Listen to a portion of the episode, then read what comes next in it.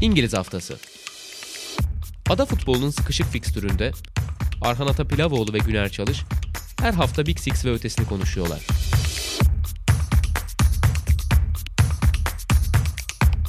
Statsbomb işbirliğiyle. Sokrates'ten, Sokrates Podcast'ten herkese merhabalar. İngiliz haftasının yeni bölümünde karşınızdayız. Hala bir şampiyonumuz yok Premier Lig'de. Heyecan muhtemelen son haftaya kadar devam edecek. Bugün kaydı salı günü alıyoruz biz. Eğer bir Southampton galibiyeti gelirse Manchester City şampiyonluğunu ilan edecek ama biraz zor gözüküyor. En azından Liverpool'un son haftaya kadar taşıması kuvvetle muhtemel. Olası bir beraberlikti ama son haftaya bir mucize arayacak Liverpool.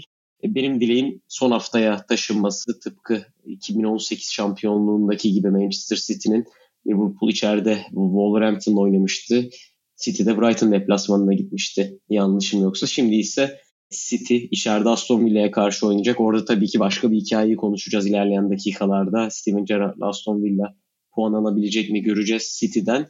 Ama öncesinde bir West Ham maçına uzanmamız gerekiyor. Manchester City'nin puan kaybı geldi. Liverpool Tottenham'a puan kaybetmişti. Orada bir fark oluşmuştu. Eğer City kazansaydı çok büyük ihtimalle şampiyon olmuş olacaktı ama yine de 2-0'dan gelinen durumu düşününce fena bir skor değilmiş gibi gözüküyor. Pası sana şöyle atacağım abi. Yani biz sezonun sonuna doğru İngiltere basınında da bizim işte Sokrates'te de pek çok kişi tahminlerini yapıyordu. Ve işte son maçlar kaldığında Liverpool'un Tottenham'a puan kaybedebileceği, Aston Villa'ya puan kaybedebileceği, City'nin de Wolverhampton'a, West Ham'a, belki Brighton'a puan kaybedebileceği konuşuluyordu ama en büyük çekincem benim West Ham ve Wolverhampton maçlarıydı. Wolverhampton çok rahat geçti. Hatta ben geçen hafta golsüz geçer diyordum ama çok yanıldım. Aksine çok gollü geçen bir karşılaşma oldu. West Ham maçı ise genel beklentinin doğrultusunda ilerledi ve City puan kaybetti. Senin de beklentilerin arasında City'nin West Ham'a puan kaybı var mıydı diye sana topu atayım. Evet ya bilemiyorum aslında galiba çok da yoktu. Ama puan kaybında sanki önemli faktörlerden biri de artık hani bu şampiyonluk yarışını bir maraton gibi düşünecek olursak hani maratonun sonuna gelirken yavaş yavaş iki takımın da fireler vermeye başlaması belki de. Yani sonuçta bu maça stoperde işte Fernandinho ile falan çıktı mesela Manchester City. Belki bunun da bir sonucu olmuş olabilir gibi geliyor bana.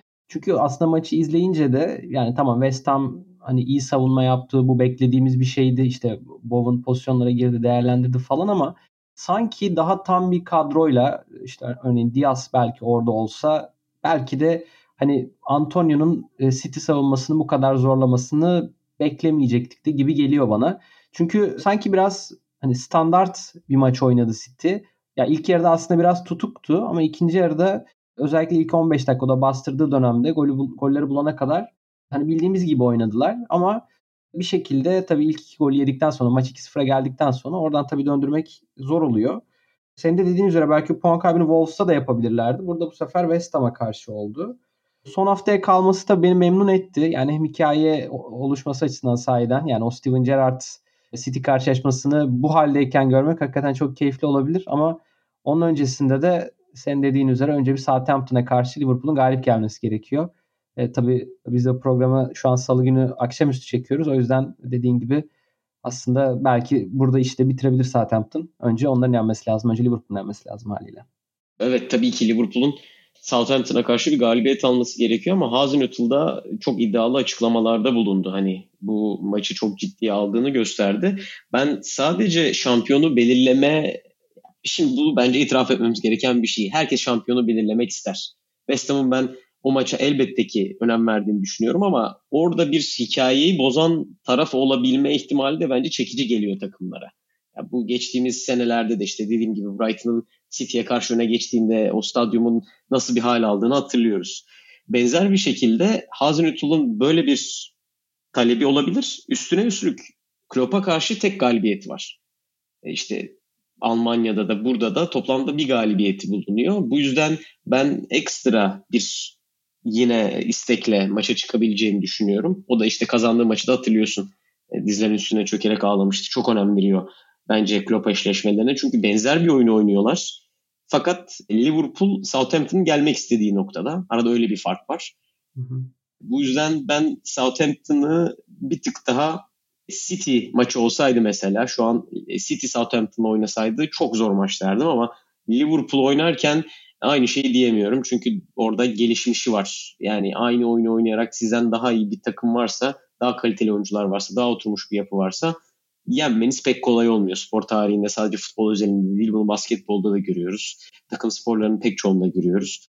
O yüzden ben Liverpool'un kazanabileceğini düşünüyorum. Yani beraberlik halinde ise herhalde City %99 şampiyon diyebiliriz. E, ama oraya geçmeden önce biraz West Ham maçını dilersen konuşalım. Sen zaten biraz evet. bahsettin. Hı-hı. West Ham'ın net bir derin blok savunması vardı ki baktığın zaman bence hani katılacaksın diye tahmin ediyorum. Manchester City'nin en çok sorun çektiği yapılar ilk yarıda açamadığı yapılar oluyor bence. Yani ilk yarıda hele de gol yerse, hele de geri düşerse oradan dönmesi pek mümkün olmuyor. İşte yine klasik bir derin blok savunması, hatlar birbirine çok yakın. City bir türlü ilk yarıda genişletemedi. Hem enini hem boyuna söylüyorum bunu. Hem dediğim gibi çizgilere basmasına rağmen bekler yine West Ham'da oldukça dar kaldı. Hem de hatlar arasında oyuncuları topla buluşturamadı. Yani bir sandviç gibi neredeyse sıkıştılar ve şansımıza da geçen bölümde şeyi konuşmuştuk hatırlarsın. Yani oyun City çok fazla koşmaya başladığında çok fazla sıkıntı çekiyor. Hı hı. Yani benzer sekansları gördük bence. Antonio'nun 50-60 metre topu taşıyıp bütün hatlar arasını City'de genişlettiği ve hücum oyuncularının orta sahaya kadar koşmak zorunda kaldığı pek çok sekans hatırlıyorum. Hatta bir yerde Mahrez'in orta sahadan top aldığını hatırlıyorum. E şimdi Mahrez'in orta sahadan top alması ne demek oluyor? İşte kanattan merkeze geliyor, tekrar yerine geçiyor, takım sete oturmakta geç, gecikiyor. Takım sete oturmakta gecikince rakip iyiden iyiye yerleşiyor, savunmayı yerinden oynatmak zorlaşıyor. Aslında bir tane uzun top West Ham'la Antonio ile buluşunca domino taşı gibi Manchester City'nin hücumu çok fazla etkileniyor. Bunu da çok fazla gördüğümüz sekanslar oldu bence. Bir de bence şunu eklemek gerekiyor. Elbette Manchester City'ye karşı çok fazla takım derin blokta savunuyor ve hücum oyuncularıyla rakip kaleye gitmeye çalışıyor. Orada etkili olmaya çalışıyor ama West Ham United'ın şöyle iki avantajı var. Bir, tek topta çok etkili bir takım bence. Yani Jared Bowen'a atılan bir uzun topla birlikte şunu iyi görüyorsunuz. Yani Bowen o topu iyi kontrol edip yüzünü kaleye dönebilirse en az West Ham'dan 5-6 oyuncu ceza sahası içerisinde otomatik olarak yükleniyor. Oraya koşuyor ve çok fazla ikinci top imkanı, oradan seken topları toplama imkanı oluyor West Ham'ın. Aynı zamanda tabii ki geçişi de çok iyi oynayabiliyorlar. İşte Çufalı'yla, Rice'yle, Antonio'suyla derken 6-7 oyunculuk bir hücum kütlesi orada. Rakip ceza sahası içerisinde yer alıyor. Bu zaten Manchester City'nin istemeyeceği bir şey. Tek topla bu kadar fazla mesafe kat, kat edilince işte orta sahadan savunma oyuncularının pek çoğunun hatlar arasında sıkıntı yaşadığını görüyoruz. İkincisi ise şu, elbette Premier Lig'de çok hızlı hücum oyuncuları var. Ama West Ham'daki artı bence şu, Antonio'nun diğer kontracılardan, diğer hücum oyuncularından farkı bence şu. Onlardan belki biraz daha yavaş ama onlardan çok daha fiziksel. Böylece hani hem mesafe kat edebiliyor. Güreşiyor aslında bence. Aynen öyle. Hem de sırtına gidip Fernandinho'ya 40 metre topu taşıyıp Rice'ın ceza sahası içerisine koşu atmasına, Suçek'in ceza sahası içerisine koşu atmasına, Boba'nın ters kanatta topla buluşmasına imkan sağlıyor. Yani evet 2-0 oldu ama ikinci yarıda bir Fernandinho'nun geri pasında kaçırdığı top var. Direkt 3 olabilecek bir pozisyondu. Bu yüzden Manchester City'nin hem sevmediği bir oyun yapısına sahipler hem de oyuncu grubu olarak Manchester City'nin kolaylıkla cevap veremeyeceği bir takım West Ham. Üstüne üstlük Fernandinho da olunca Antonio Fernandinho işleşmesi zaten durmadan Fernandinho tarafına attı kendini. İyiden iyiye City'nin çözmekte zorlandığı bir problem oldu sanki. David Moyes'un eski takımını hatırlar mısın? Yani eski Everton dönemindeki oyun stilini, forvetlerini vesaire. Oradan biraz gireyim konuya olmadı şundan soruyorum. Mesela Victor Anişebe vardı. O da evet. e, bence benzer bir forvet denebilir. Benzer. e, Antonio'ya. Yani esasında e, Moyes'un takımlarında genelde forvetler böyle bir rol üstlendiler. Yani daha ziyade çok skorer olmalarından ziyade e, bu şekilde fizik güçleriyle rakip savunmayı yıpratan, işte biraz takıma nefes aldıran işte biraz topu saklayan biraz da özellikle İngiltere'nin kendi o eski oyun kültüründe bir tabir vardır. E, sanıyorum futbol menajerde falan da geçer. Hani kanalları çalışmak. Channels e, şey vardır ya. Yani aslında hep kanallara koşu atar e, böyle Antonio gibi oyuncular biraz daha fiziksel olarak öne çıkan oyuncular. O da şudur işte kanallar dediği bölgede şu andaki o modern jargonla aslında o yani half space deniyor o bölgeler. Yani işte back ile stoper arasındaki bölgeye e, bir çapraz koşu atar oyuncu. Çapraz koşu attığında işte rakip stoperi de atıyorum kendisiyle beraber sürükler. Arkadan gelen oyuncuya bir alan açar. Bu şekilde mesela hücumları sürdürürler. Biraz daha hani eski tip bir İngiliz oyunu bu. Hani West Ham'ın hücumlarında da bence hala o düzeni biraz görüyoruz sanki. İşte şey aklıma geldi açıkçası maçı izlerken yani hem oyuncu tipleri işte hem Moyes'un biraz eskiliği diyeyim. Mesela Aston Villa'nın o özellikle 2000'lerin ortalarındaki takımında bunları çok net uygulayan çok düzgün e, profilli oyuncular vardı. İşte mesela kare ve uzun oynardın, indirirdi. İşte Agbon Lahore o kanallara bir koşu atardı. E, Jared Bowen'ın yaptığı koşuları Ashley Young yapardı mesela. İşte uzun pası da atıyorum Stilian Petrov veya Berry atardı gibi. E, yani biraz öyle eski tip bir takım ama işte böyle eski tip takımlar Manchester City özellikle de savunmasında bence böyle açıklar varsa zorlayabiliyor. E, ya bence aslında goller oldukça basit görünen gollerdi. Yani ilk golde de ikinci golde de özellikle bence ikinci gol çok basit bir goldü. Yani orada işte tamamen Antonio'nun rakip savunmayla dediğim gibi boğuşması e, pardon gerçi orada Antonio değil Suçek kafaya çıkıyor. Daha sonra Antonio'nun bir şekilde hemen çok ani bir kararla Buvan'ı kaçırması durumu var. Orada da işte bence e, Zinchenko'nun ilk golde de hatası var. İkinci golde özellikle bence hatası var. Hem takip edemiyor hem offside çizgisini bozuyor. Yani ilk golde de aslında çok zor bir gole benzemiyor. Yani orada dediğin gibi ikinci topu alamıyorlar. E, evet belki Fornals'ın pası çok kolay bir pas değil. Ama bir şekilde hemen orada savunma arkasında kaş, koşan, e, koşan oyuncu bir şekilde ka, e, kalece karşı karşıya kalabiliyor. Burada işte tabii City oyunu kontrol ettiği zaman Fernandinho'nun, e, Zinchenko'nun varlığı çok büyük problem yaratmıyor. Ama sen dediğin gibi sürekli koşması gerektiği zaman ve savunma oyuncuları gerçekten işlerini yapmaları yani savunma yapmaları gerektiği zaman e, böyle çok amatör durumlar ortaya çıkabiliyor diye düşünüyorum. Ama işte ikinci yarıda da City yanlış bilmiyorsam ligin en çok duran toptan gol bulan takım olması lazım. Ve yine aslında bir şekilde duran toplar aracılığıyla hani o aşılamayan savunmayı aşmayı başardılar. Ama istersen biraz da penaltı kısmına gelelim. Her nasıl işte duran toplarda bu kadar iyi oldukları için belki çok sürpriz değilse bu durum. Skoru 2-2'ye getirmeleri. Aslında penaltılarda da biraz sorun yaşayan e, bir takım City. Dilersen biraz oraya gelelim. Hani Mahrez penaltı kaçırdı ama yayına çıkmadan açıkçası hem merak ettim hem de merak ettikten sonra biraz baktıkça daha da ilgimi çekti. E, City'nin aslında son yıllarda yaşadığı bir penaltı sıkıntısı var ve bunun aslında hiç de sanki küçük değil gibi gelmeye başladı biraz okudukça. Hani sen de City'yi yakından takip eden biri olarak acaba buna katılır mısın ya da böyle bir gözlemin var mı? Biraz da sana vereyim oradan sözü. %100 bir penaltı sorunu var. Ben hatta bunun tweetini attım. Sadece penaltı sorunu değil bu penaltıların kaçması sezon kaderini değiştirecek türde. Yani işte Mahrez'in Liverpool'luğunu hatırlıyoruz. Agüero'nun Şampiyonlar Ligi'nde Tottenham'a kaçırdığını hatırlıyoruz. De Bruyne'nin yine Liverpool'a kaçırdığını hatırlıyoruz 0-0 iken. Şimdi yine Mahrez'in West Ham'a olası bir şampiyonluğun kaybedilmesinde net bir şekilde akla gelecek tek sekans bu olacak. Başka hiçbir şey konuşulmayacak. Ve ilginçtir çok fazla farklı penaltıcısı var evet. City'nin. Yani Sterling var, arada Jesus atıyor, Agüero varken Agüero atıyordu, Mahrez ilk ay formdayken geçen sene ilk ay attı. De Bruyne zaten hani atması en normal isimlerden. Buradan bir penaltıcının olmayışı ortaya çıkıyor. Şöyle de bir şey söyleyeyim. Buna bu sabah baktım ben de yayına girmeden önce son 3 sezonda Liverpool toplamda 20, City toplamda da 29 penaltı kullanmış. Sence Liverpool kaç tanesini atmıştır? City kaç tanesini atmıştır? Ee, Liverpool 100, yani 20'de 19 18 olabilir. City'ye ben de baktım. 29 mu demiştin?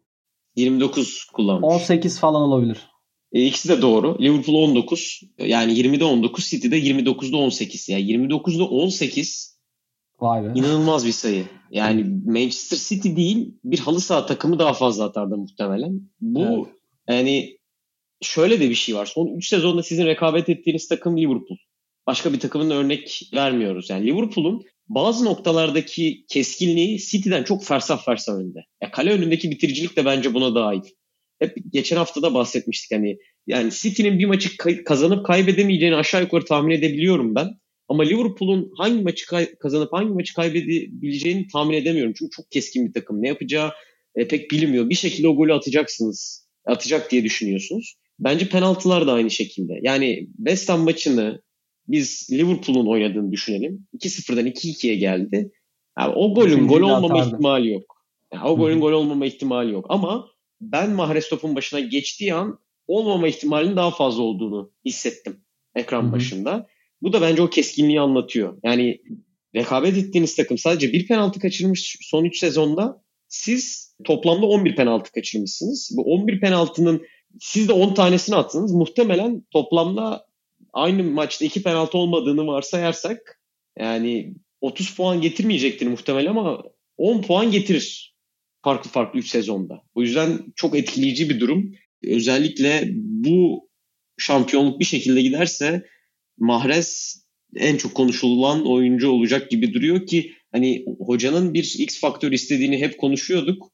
Mahrez gibi bir ismin hani pek onun oyuncusu olmayan bir ismin kaçırması da bence daha kötü oldu. Hani Kevin De Bruyne kaçırsa belki çok takılmazlardı. Çünkü zaten Wolverhampton'a karşı 4 atmıştı. Olabilir diye lanse edilebilirdi ama şu an onun kaçırması bence bir tık daha kötü oldu e, City açısından ama bakalım. Ben şöyle istersen detaylandırayım. Biraz da senin e, söylediklerin üzerine yeni katmanlar çıkayım. Şöyle olmuş aslında. Şimdi Manchester City'nin Kun Agüero döneminde aslında bir penaltıcısı var. Agüero da yani iyi bir penaltıcı ve hakikaten gole çeviriyor çoğu zaman. Ben biraz geriye gittim. Önceki sezonlardaki durumda acaba böyle miydi diye. Ee, daha sonra Agüero'nun hem ilk 11'den biraz uzaklaşması yani sonuçta şöyle oluyor. Tam Agüero iyi bir penaltıcı ama o sırada sahada olamayabiliyor. Öyle olduğunda da işte senin dediğin gibi mesela bazen Gabriel Jesus penaltıyı kullanıyor. Bazen işte Kevin De Bruyne, bazen Sterling penaltıyı kullanıyor. Sonra yıllardan e, yıllar yılı Manchester City'nin hakikaten e, penaltı ortalaması düşmeye başlamış. Özellikle işte e, geçtiğimiz 3 sezonda. İlk 3 sezona geldiğinde Guardiola da işte hep yüzde böyle 80'in üzerinde penaltıyı gole çevirme oranları Premier Lig'de. Ama sonra 2019-20'ye bakıyoruz yüzde 54,5 penaltıyı gole çevirme. 2020-21'e bakıyoruz yüzde 55,6. 21-22'ye bakıyoruz %77,8. Hani Agüero takımdan çıktıktan sonra senin de dediğin üzere aslında City bir penaltıcı arayışına girdi ve e, ne yazık ki diyeyim onlar açısından bu penaltıcıların aslında hiçbiri tam olarak o Agüero'nun verdiği güvenilirliği çok da vermemiş gibi duruyor. Ha, Agüero'nun öncesine gidersek yine bu penaltıcılara bakarken onu fark ettim. Aslında Yaya Toure vardı. E, Yaya Toure onun üzerinde penaltı atıp tamamını atan galiba tek oyuncuymuş Premier Lig'de. Eğer baktığım yerde bir yanlışlık yoksa. Yani aslında City'nin daha önce böyle bir sorunu hakikaten yoktu. Öyle büyük karakterler vardı diyeyim. Ama işte daha sonra bu sorunu çok net biçimde yaşadıklarını görüyoruz. Ha şöyle ilginç de bir şey okudum. İşte Ken Early var. Belki takip ediyorsundur sen Irish Times'ın sevdiğim bir yazarı. O mesela şöyle açıklamış bu durumu. Aslında diyor Riyad Mahrez zaten kötü bir penaltıcı. Yani bu penaltı öncesinde attığı 17 penaltıdan 12'sini gole çevirebilmiş. Yani gole çevirme yüzdesi %70. Hani sen de bilirsin bu beklenen gol verilerinde aslında penaltıya verilen yüzde 76. Ha 76 78 gibi bir şey olması lazım. Yani ortalamanın da altında bir yüzde. Ama diyor Ken Early yazısında şöyle detaylandırıyor. Aslında Riyad Mahrez takımdaki penaltıcılar arasında en yüksek gole çeviren oyuncu. Yani en iyisi bu ellerindeki. Çünkü hı hı. yazıda şöyle detaylandırmış. Yani İlkay City'ye gelene kadar bütün penaltılarını atan bir oyuncu kariyerinde. City'ye geldikten sonra 5'te 3. Kevin De Bruyne %66. Gabriel Jesus zaten çok kötü. %50. Grealish, Bernardo ve Cancelo'nun ise kariyerinde penaltısı yokmuş mesela. Yani dolayısıyla hakikaten bir penaltıcı krizi olduğunu söylemek mümkün City'de. Sanıyorum maçtan sonra da Mahrez'e güvendiğini söyledi. Hani Guardiola hani biz ona güveniyoruz. Bizim en iyi penaltıcımız o gibi bir ifadede bulundu ama hani şöyle de bir istatistik varmış. Bunu başka bir yerde gördüm. Galiba Sky Sports. 2015-16'dan beri de Premier Lig'in en çok penaltı kaçıran oyuncusu Riyad Mahrez'miş. 6 penaltıyla. Yani bu hakikaten enteresan bir durum. Ee, yani City'nin penaltı konusunu kaçıran takım City. Evet 16. yani City'nin bir penaltı sorunu oldu artık apaçık bence. Ama şöyle bir durum da var. Son olarak ona ekleyeyim. Yani Lucas Fabianski de aynı dönemde 2015-16'dan beri Premier Lig'de en çok penaltı kurtaran kaleci.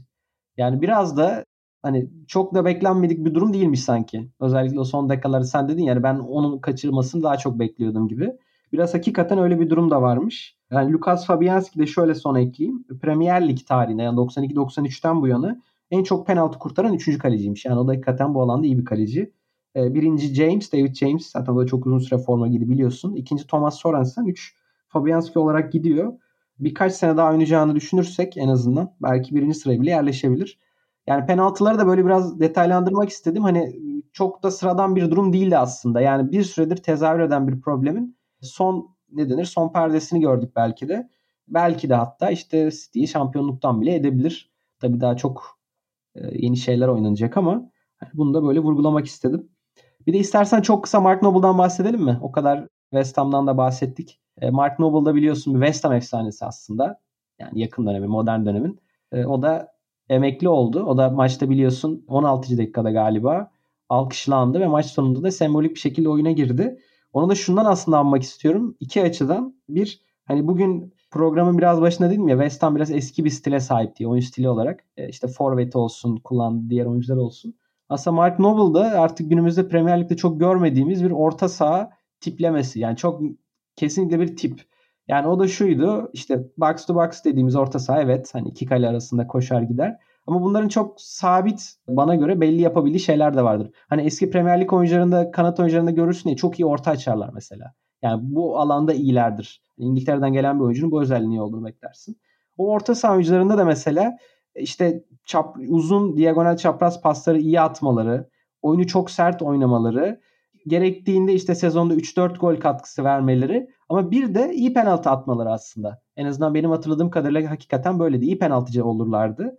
Mesela işte Danny Murphy çok bana göre bunun net bir örneği. İşte mesela 19 penaltıdan 18'ini gole çevirmiş kariyerinde. E işte hatırlarsın merhum e, Gary Speed mesela böyle bir oyuncuydu. Stilian Petro mesela Aston Villa'da böyle bir oyuncuydu. Berry böyle bir oyuncuydu. Yani bunlar hakikaten tipti.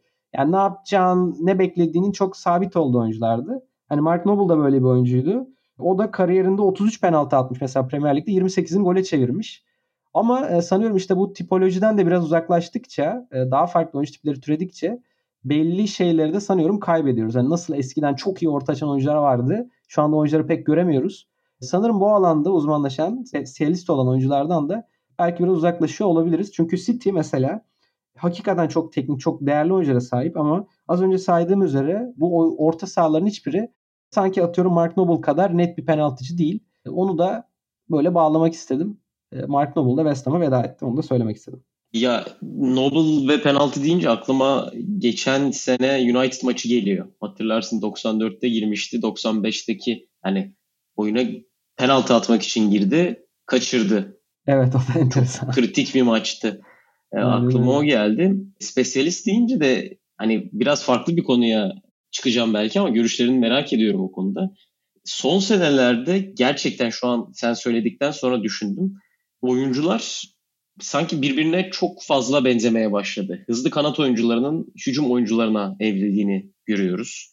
Santrfor ibaresinin iyiden iyiye hani Benzema ve Lewandowski son isimler gibi duruyor. Evet Haaland var ama o da çok büyük bir anomali. Onun haricinde genellikle hücum oyuncuları kanattan forvete evrilen oyuncular olmaya başladı. Genel olarak aslında sadece futbolda da değil, dünya genelinde çoğu şey belirli bir çizgide ilerliyor ve spesyalist kavramı özellikle futbolda şu an aklına gelen mesela spesyalist birisi var mı? Ee, benim aklıma gelmedi mesela. Ne Premier Lig'den ne diğer liglerden. Sanki gerçekten belirli bir oyuncu modeline doğru ilerleyen bir e, yeni dünya düzeni var sanki. Mesela şey gibi mi atıyorum Juninho inanılmaz bir frikikçidir. Belki kötü bir örnek bilmiyorum da hani böyle çok Yo. özellikle ayrılan özelliğiyle ayrılan oyuncu gibi mi diyorsun yoksa böyle nevi şahsına münasır bir stili olan anlamında mı acaba? Yo hani bahsettiğin ya Juninho da onlara bir örnek. Ya çok iyi kanat orta e, kanatlar çok iyi orta açardı örneği ya da işte çok iyi ceza sahası içerisinde koşu atardı orta sahalar vesaire gibi hani ondan ziyade çok prototip oyuncu modelleri üremeye başladı sanki. Yani ayağı temiz stoper. Hemen hepsi artık öyle çıkıyor altyapıdan. Yani biraz biraz talebe göre şekilleniyor işte. Yani mesela David Luiz bence bu açıdan iyi bir örnek olabilir. Yani bir dönem orta saha oynadı. E, yanlış bilmiyorsam Benfica'da gittiğinde de ilk bir dönem orta saha oynaması var. Çünkü çok teknik bir oyuncu yani stopere çok da benzemiyor düşününce. Ama daha sonra böyle bir oyuncu modeli çıkıyor. Yani geriden top oyunu iyi sokacak oyunculara ihtiyaç duyuyorsun ve o adam orada hakikaten çok iyi parlıyor düşündüğünde. Ama bir stoper değil. Haliyle bu sefer de gerçekten savunma yapması gerektiğinde büyük e, problemler yaratıyor. İşte Rafael Benitez döneminde Chelsea'deyken tekrar bir dönem çok kısa da olsa bir orta sahaya çekiliyor. Sonra tekrar stoper alıyor. Sonra üçlü savunmalar başlıyor. Üçlü savunmalar başlayınca böyle bir oyuncuyu merkezde kullanmak çok mantıklı hale gelebiliyor falan. Ya aslında oyuncuların kendine has özellikleri var ama antrenörlerin beklentileri birbirine benzedikçe oyuncuların şekillenmesi de haliyle birbirine benziyor diyebiliriz. Belki de biraz o yüzden. Yani mesela Jared Bowen'dan konuşabiliriz bu dediğini. Yani önceden Jared Bowen gibi oyuncular ikinci forvet olarak genelde takımlarda yer alıyordu. Yani bir oyuncu alan açıyordu genellikle. Aynı Antonio'nun yaptığı gibi ikinci forvette onu aç, açtığı alanlara girerdi. Ama forvet oynardı ve merkezde oynardı. Atıyorum işte Gianfranco Zola diyelim. Veya Dennis Bergkamp diyelim. Ama şu anda bu oyuncuları genelde kanatta başlay başlayıp içeri kıvrıldığını görüyoruz. Yani Bowen bir kanat oyuncusu değil aslında baktığında. Yani top aldığı noktalar iki golde de pek kanat oyuncusunun pozisyonları değil. Evet kanattan belki pozisyona başlıyor. Ama içeriye doğru koşu atıp bir forvet gibi görev alıyor. Mesela Lanzini neticede daha farklı bir rolde. Daha orta saha gibi, oyun kurucu gibi. Ha, bu neden dersin? Tabii çok daha uzun konuşmamız gerekir. Podcast uzaması gerekir ama aslında ikinci forvet rollerinde şu an kenarda görüyoruz. Yani işte sen de sevdiğin için oradan örneği vereyim. Mesela Şenol Güneş takımlarında bilirsin 4-2-3-1 çok sabit bir düzen vardır. İkinci forvet biri kenardadır. Hani mesela Babel, işte Cenk Tosun, Bakan vesaire. Ama bundan işte atıyorum 15 sene önce olsa 4-4-2 oynayacaktı belki. Onlar ikisi beraber yan yana oynayacaktı. Biraz bence böyle açıklayabiliriz gibi geliyor. Yani antrenörlerin oyundan beklentilerinin birbirine benzer hale gelmesi. Tabii bir de oyunun beklentilerinin farklılaşması denebilir. Çünkü hani belli bir fizik kalitenin üzerine çıkılmış olması, takımların kontra atağa çok daha iyi çıkıyor olması belki bundan 20 sene önceye göre de sizi belli sabit şeylere yapmaya itiyor olabilir. Hani atıyorum o yüzden de belki top ayağına çok yakışan belli oyuncuları takımlarınıza koyamıyorsunuz. Çünkü o bir kişinin bile var olması belki 11 kişinin yaratacağı o makine düzenini bozabiliyor ve çok daha büyük bir soruna yol açabiliyor. Bilmiyorum sonra cevap olabildim ama. Yok yok evet yani ben de benzer düşünüyorum açıkçası o arz talep dengesinin hatta kim hatırlamıyorum ama bir İtalyan savunmacı söylemişti. Yani ayağı iyi diye stoperlerin çok fazla türediğini görüyorum. Stoperin ilk işi aslında savunma yapmaktır diye. E, o açıdan da olabilir. E, aklıma oradan gelmişti. O yüzden de yönelttim soruyu. Tabii çok kapsamlı bir konu. O yüzden e, bahsettiğim gibi podcast bir bölüm sürecek bir konu. Bu yüzden buradan FA Cup'a geçelim. Liverpool sezonun ikinci kupasını kaldırdı ve gerçekten dört kupayla bitirebilme ihtimali sürüyor Liverpool'un. Hani bana sorarsan yani Premier Lig dahil olmak üzere hiç düşük bir ihtimal değil. Klopp bunu sene başında saçmalamayın böyle bir ihtimal tabii ki yok demişti. Bunu Guardiola da aynı şekilde geldiği İngiltere'ye geldiği ilk günden beri söylüyor. Sonuçta Barcelona'da yaptığından dolayı İngiltere'de de yapıp yapılamayacağı konuşuluyordu ama gerçekten çok zor bir ihtimal ki bence İngiltere'de daha da zor. Yoğun fikstürde FA Cup ilk kupası seyahatlerini de ekleyince üzerine çok büyük bir iş başarıyorlar. Sezon genelinde Premier Ligi eğer Guardiola kazanırsa ya Şampiyonlar Ligi'nde Liverpool kazanırsa net bir şekilde ben sezonun galibinin Klopp olacağını düşünüyorum. Bilmiyorum katılır mısın ama. Ya evet katılıyorum. Ya bir de artık ya şunu da söylemek lazım. Guardiola hakikaten lig kazanan bir antrenör. Hani Conte için de mesela bunu söyleyebiliriz. Hani bulunduğu ligi kazanan bir antrenör. Hani o açıdan da biraz şaşırtmıyor. Onun için hakikaten dediğin gibi esas challenge belki Şampiyonlar Ligi'ni kazanmak olacak. Ya o açıdan katılırım tabii. Ama şu da var. Yani onun da hakkını vermek lazım kesinlikle. Son 5 sezonda 4 kez City şampiyon olmuş olacak değil mi? Eğer bu sezonda City kazanırsa. Hı hı. Hani Liverpool alırsa en azından sanki biraz daha dengede gitmiş hissini verecek bize onu e, bize. Hani 3 ondan evet. 2 ondan gibi ama hani iki kere son saniyeye kalıp son maça kalıp ikisinde de City aldığında da orada da tabii rakip takımın yani City'nin hakkını vermek gerekiyor. Ya şöyle de söylenebilir. Aslında bu hafta çok konuşacak konu vardı. Yani biri işte şampiyonluk meselesi. Hani üç ayrı noktada twist oldu diyeyim. Biri şampiyonluk yarışında. E biri hala gelemedik mesela. Dördüncülük yarışında bana göre bayağı beklenmedik bir olay oldu. Ben Arsenal'in bu kadar düşeceğini açıkçası tahmin etmiyordum. İşte biri de FA Cup maçı. Hatta biri de ligden düşme yarışı diyebiliriz. Bakalım hepsine ne kadar vakit ayırabileceğiz diyeyim. FA Cup maçı da bence biraz işte City için dedim ya maratonun sonuna geliyorlar. Hani orada artık fire vermeye başlıyorlar. Yani Liverpool'da o sanki fireleri çok çok vermeye başladı gibi. Biraz dayanıklılık testine dönüyor artık e, ligin şu aşaması. Bence maçta biraz böyleydi denebilir. FA Cup maçtan bahsediyorum. Katılıyorum ya. Lig kupası da her ne kadar daha önce oynanmış olsa da benzer şekilde ilerlemişti. Ben hani klasik artık hedef maçlarda gördüğümüz yapılara benzer şeyler gördüm. O yüzden çok farklı şeyler söyleyemeyeceğim. Bir tek şunu söyleyebilirim. Liverpool'un daha görece dominant gözükmesinde ki esas neden bence Chelsea'nin presi çok dar yapmasıydı. O kadar dar yaptılar ki presi kanat bekleri çok fazla genişlemek zorunda kaldı. Aynı zamanda bu stoperlerin de genişlemesi anlamına geldi ve zaten çizgiye bastığı her an hem Diaz hem Salah hatlar arası çok açıldı. Bu yüzden Chelsea'nin o dar presi bence topsuz oyundaki ilk sıkıntıydı. İkinci sıkıntı da Lukaku e, Henderson'a top aldırmamak için yaptığı markajla birlikte çok fazla derine geldi. O çok fazla derine gelince Kovac için biraz daha öne çıktığını gördük. Yine orada hatlar arasında boşluklar oluştu. Bunu önceki bölümde konuşmuştuk. Aston Villa ilk yarıda Liverpool'a çok fazla şans vermemişti hatlar arasında ama ne zaman verdiyse de Liverpool oraları çok iyi değerlendirmişti. Yani bence hatlar arasında Liverpool'u da Manchester City'yi de topla buluşturmak o makinenin hani motorunu ufak ufak çalıştırmasına neden oluyor ve siz fark etmeden maçın üstünlüğünü onlara veriyorsunuz. Bu nedenle hem genişte hem dikeyde o hatlar arasında oyuncuları buluşturmamaya e, en çok dikkat ediyor takımlar. O açıdan evet bir yerde bir fedakarlık yaptı Chelsea. Henderson'a topu buluşturmamaya çalıştı. Merkezden oyunu hatlar arasında buluşturmamak istedi. Fakat öyle olunca da top ne zaman 3. bölgeye gitse oyun genişledi, stoperler genişledi ve o genişliğe koşular geldi Liverpool'dan. Fakat dediğim gibi ben ilk kupasına benzer bir maç olduğunu düşünüyorum. Tuhel sonrasında dörtlüye de döndü e, maç içerisinde bu hatlar arasındaki boşlukları doldurabilmek için ama ben Liverpool'un hani artık şunu net bir şekilde söyleyebilirim. Hani sen dedin ya Guardiola lig kazanan bir antrenör diye. Hep şey söylenir. Hayatınız söz konusu olsa hangi tenisçiye son seti oynatırsınız diye. Ben de herhalde tek bir maç olsa, hayatımın, hayatımda söz konusu olsa bu Liverpool takımının oynamasını isterim benim için. %100 katılıyorum ona. Bence tek maçlarda daha iyi bir takım çok zor bulmak. İşte belki Conte'nin takımları olabilir. O da Avrupa'da olmuyor. Avrupa evet. değil, lig maçlarında olabilir belki. Katılıyorum ona. Yani Klopp gerçekten özellikle şu son Liverpool'daki 2-3 sezonda eşleşmelerde gerçekten çok başarılı. Çok güven veriyor. Katılırım. %100 öyle. Yani Guardiola'yı bu kadar zorlayabilecek bir teknik direktörün çıkması bile çok başarıyken artık eşleşmede üstün taraf olmaya başladı son senelerde. Bunun da bence sebebi Guardiola takımlarının böyle bir yapıyla karşılaştığında ne yapacağına dair bir ipucusu bazen olmuyor ama Liverpool'un ne yapacağına dair bir ipucusunun olmadığını ben çok az gördüm. Yani her oyuna bir cevapları var.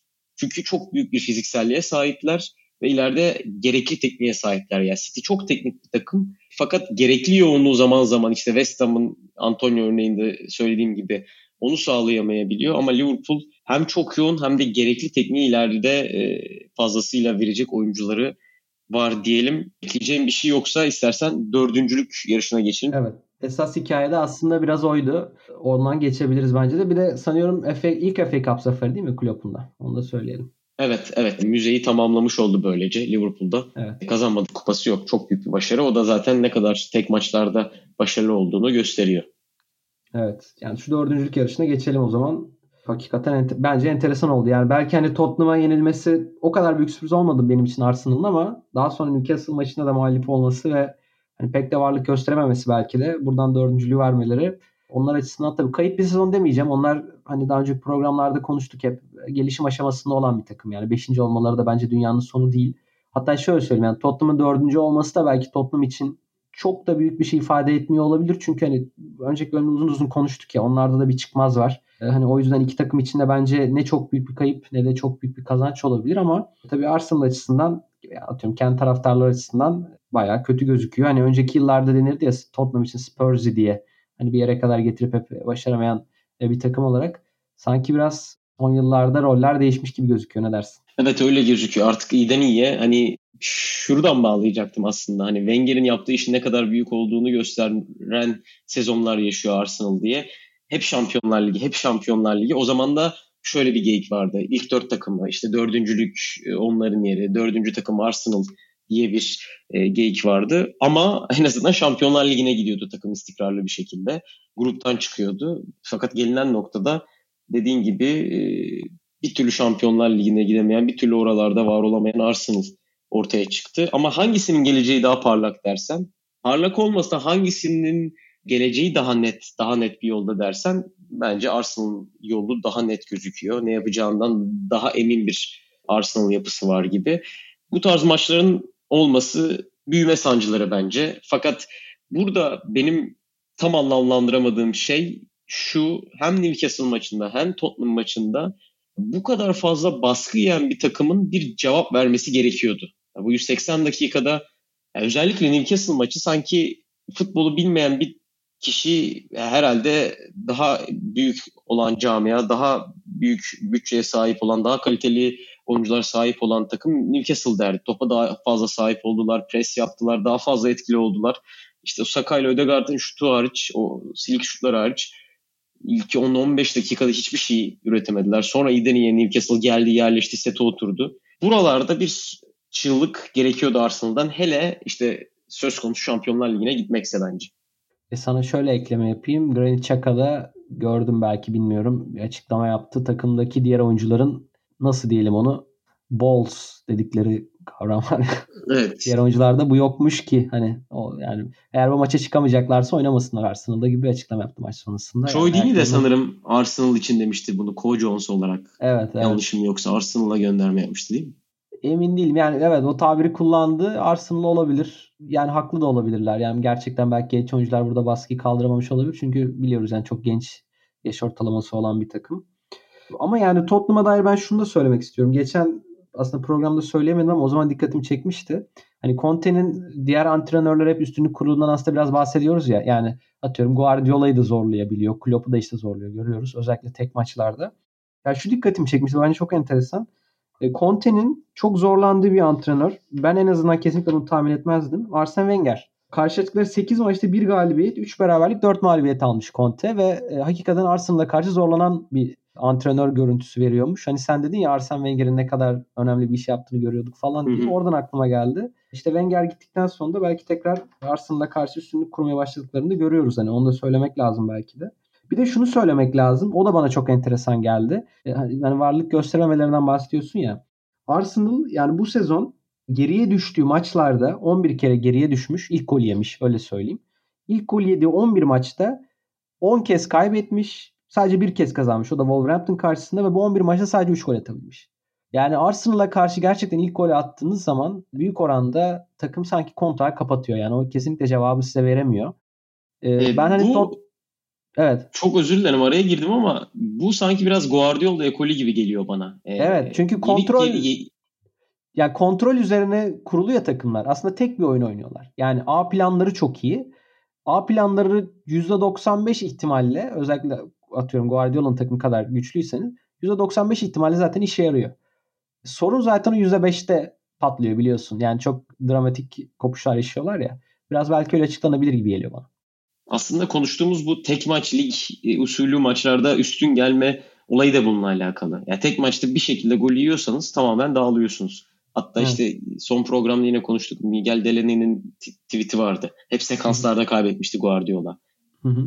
Ne zaman geriye düşse ya da ne zaman ilk golü bulamasa dahi City, yani örneğin işte son haftada Aston Villa'ya karşı Manchester City 50'ye 60'a kadar golü bulamazsa çok zor işi. Yani 50-60 değil hatta ilk yarıyı golsüz kapatırsa bence yine çok zor. Hı hı. E, olası bir eşitlikte. Çünkü hemen makinenin çalışıp hemen farka gitmesi gerekiyor City'nin. Bakmadım City'ye ama ben bir maç Benzer hatırlıyorum. durum olabilir diyorsun bir maç hatırlıyorum Arsenal maçı. O da ne kadar zor bir şekilde geldiğini, kırmızı kart ve Rodri'nin son dakikada geldiğini hatırlıyoruz. Yani Arsenal'ın da bir tane beraber beraberliği var yenik durumdayken. Palace o da aynı şekilde geldi.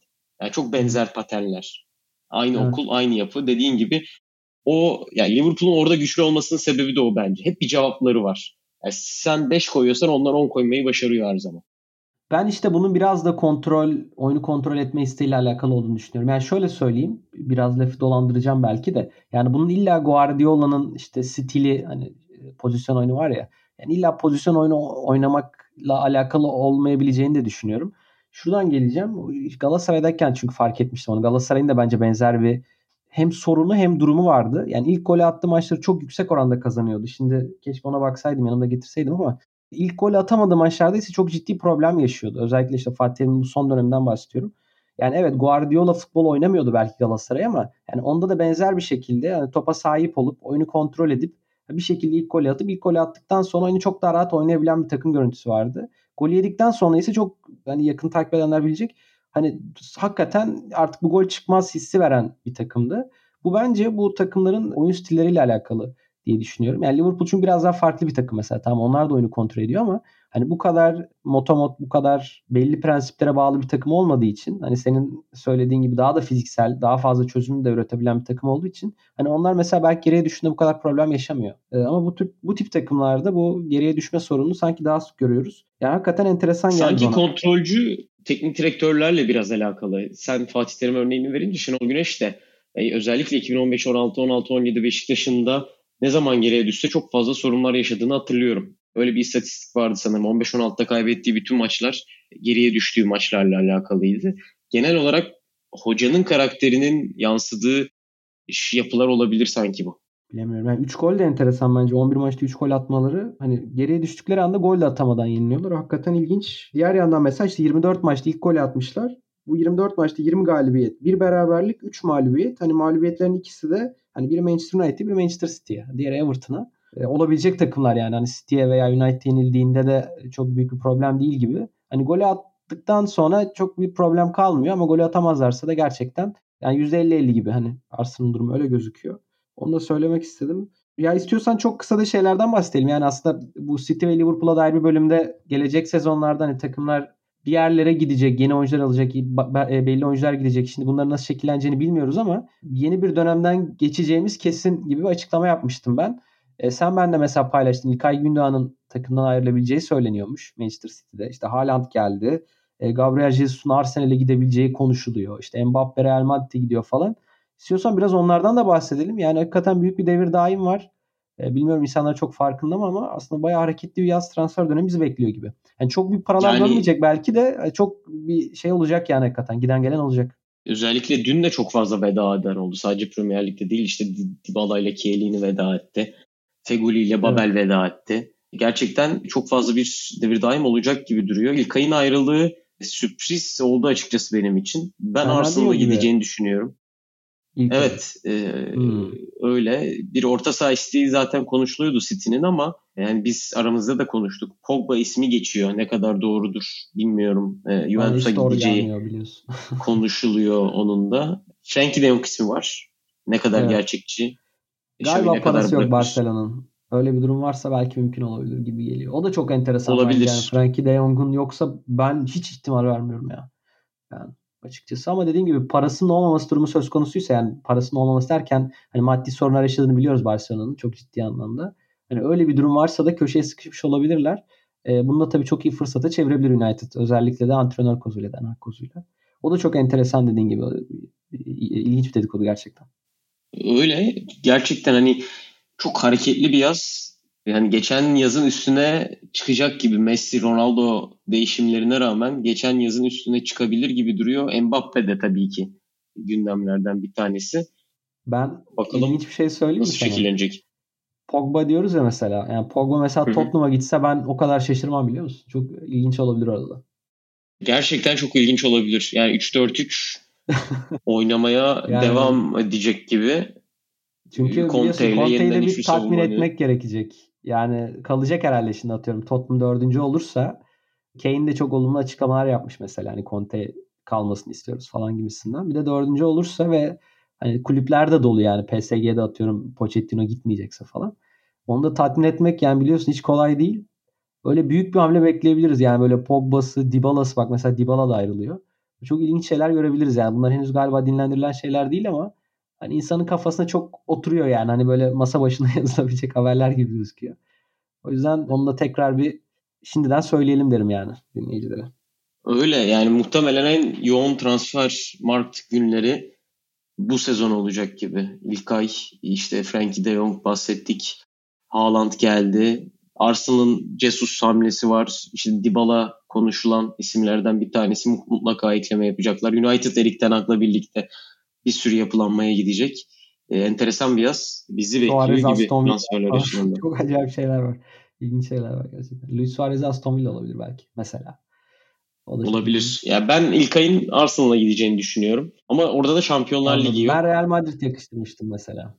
Ben Madrid olmayacak Madrid. deniyor bu arada. E, Madrid'e gitme mi? sebebi sanırım e, Real Madrid'le görüşmek için değilmiş. Öyle bir haber gördüm.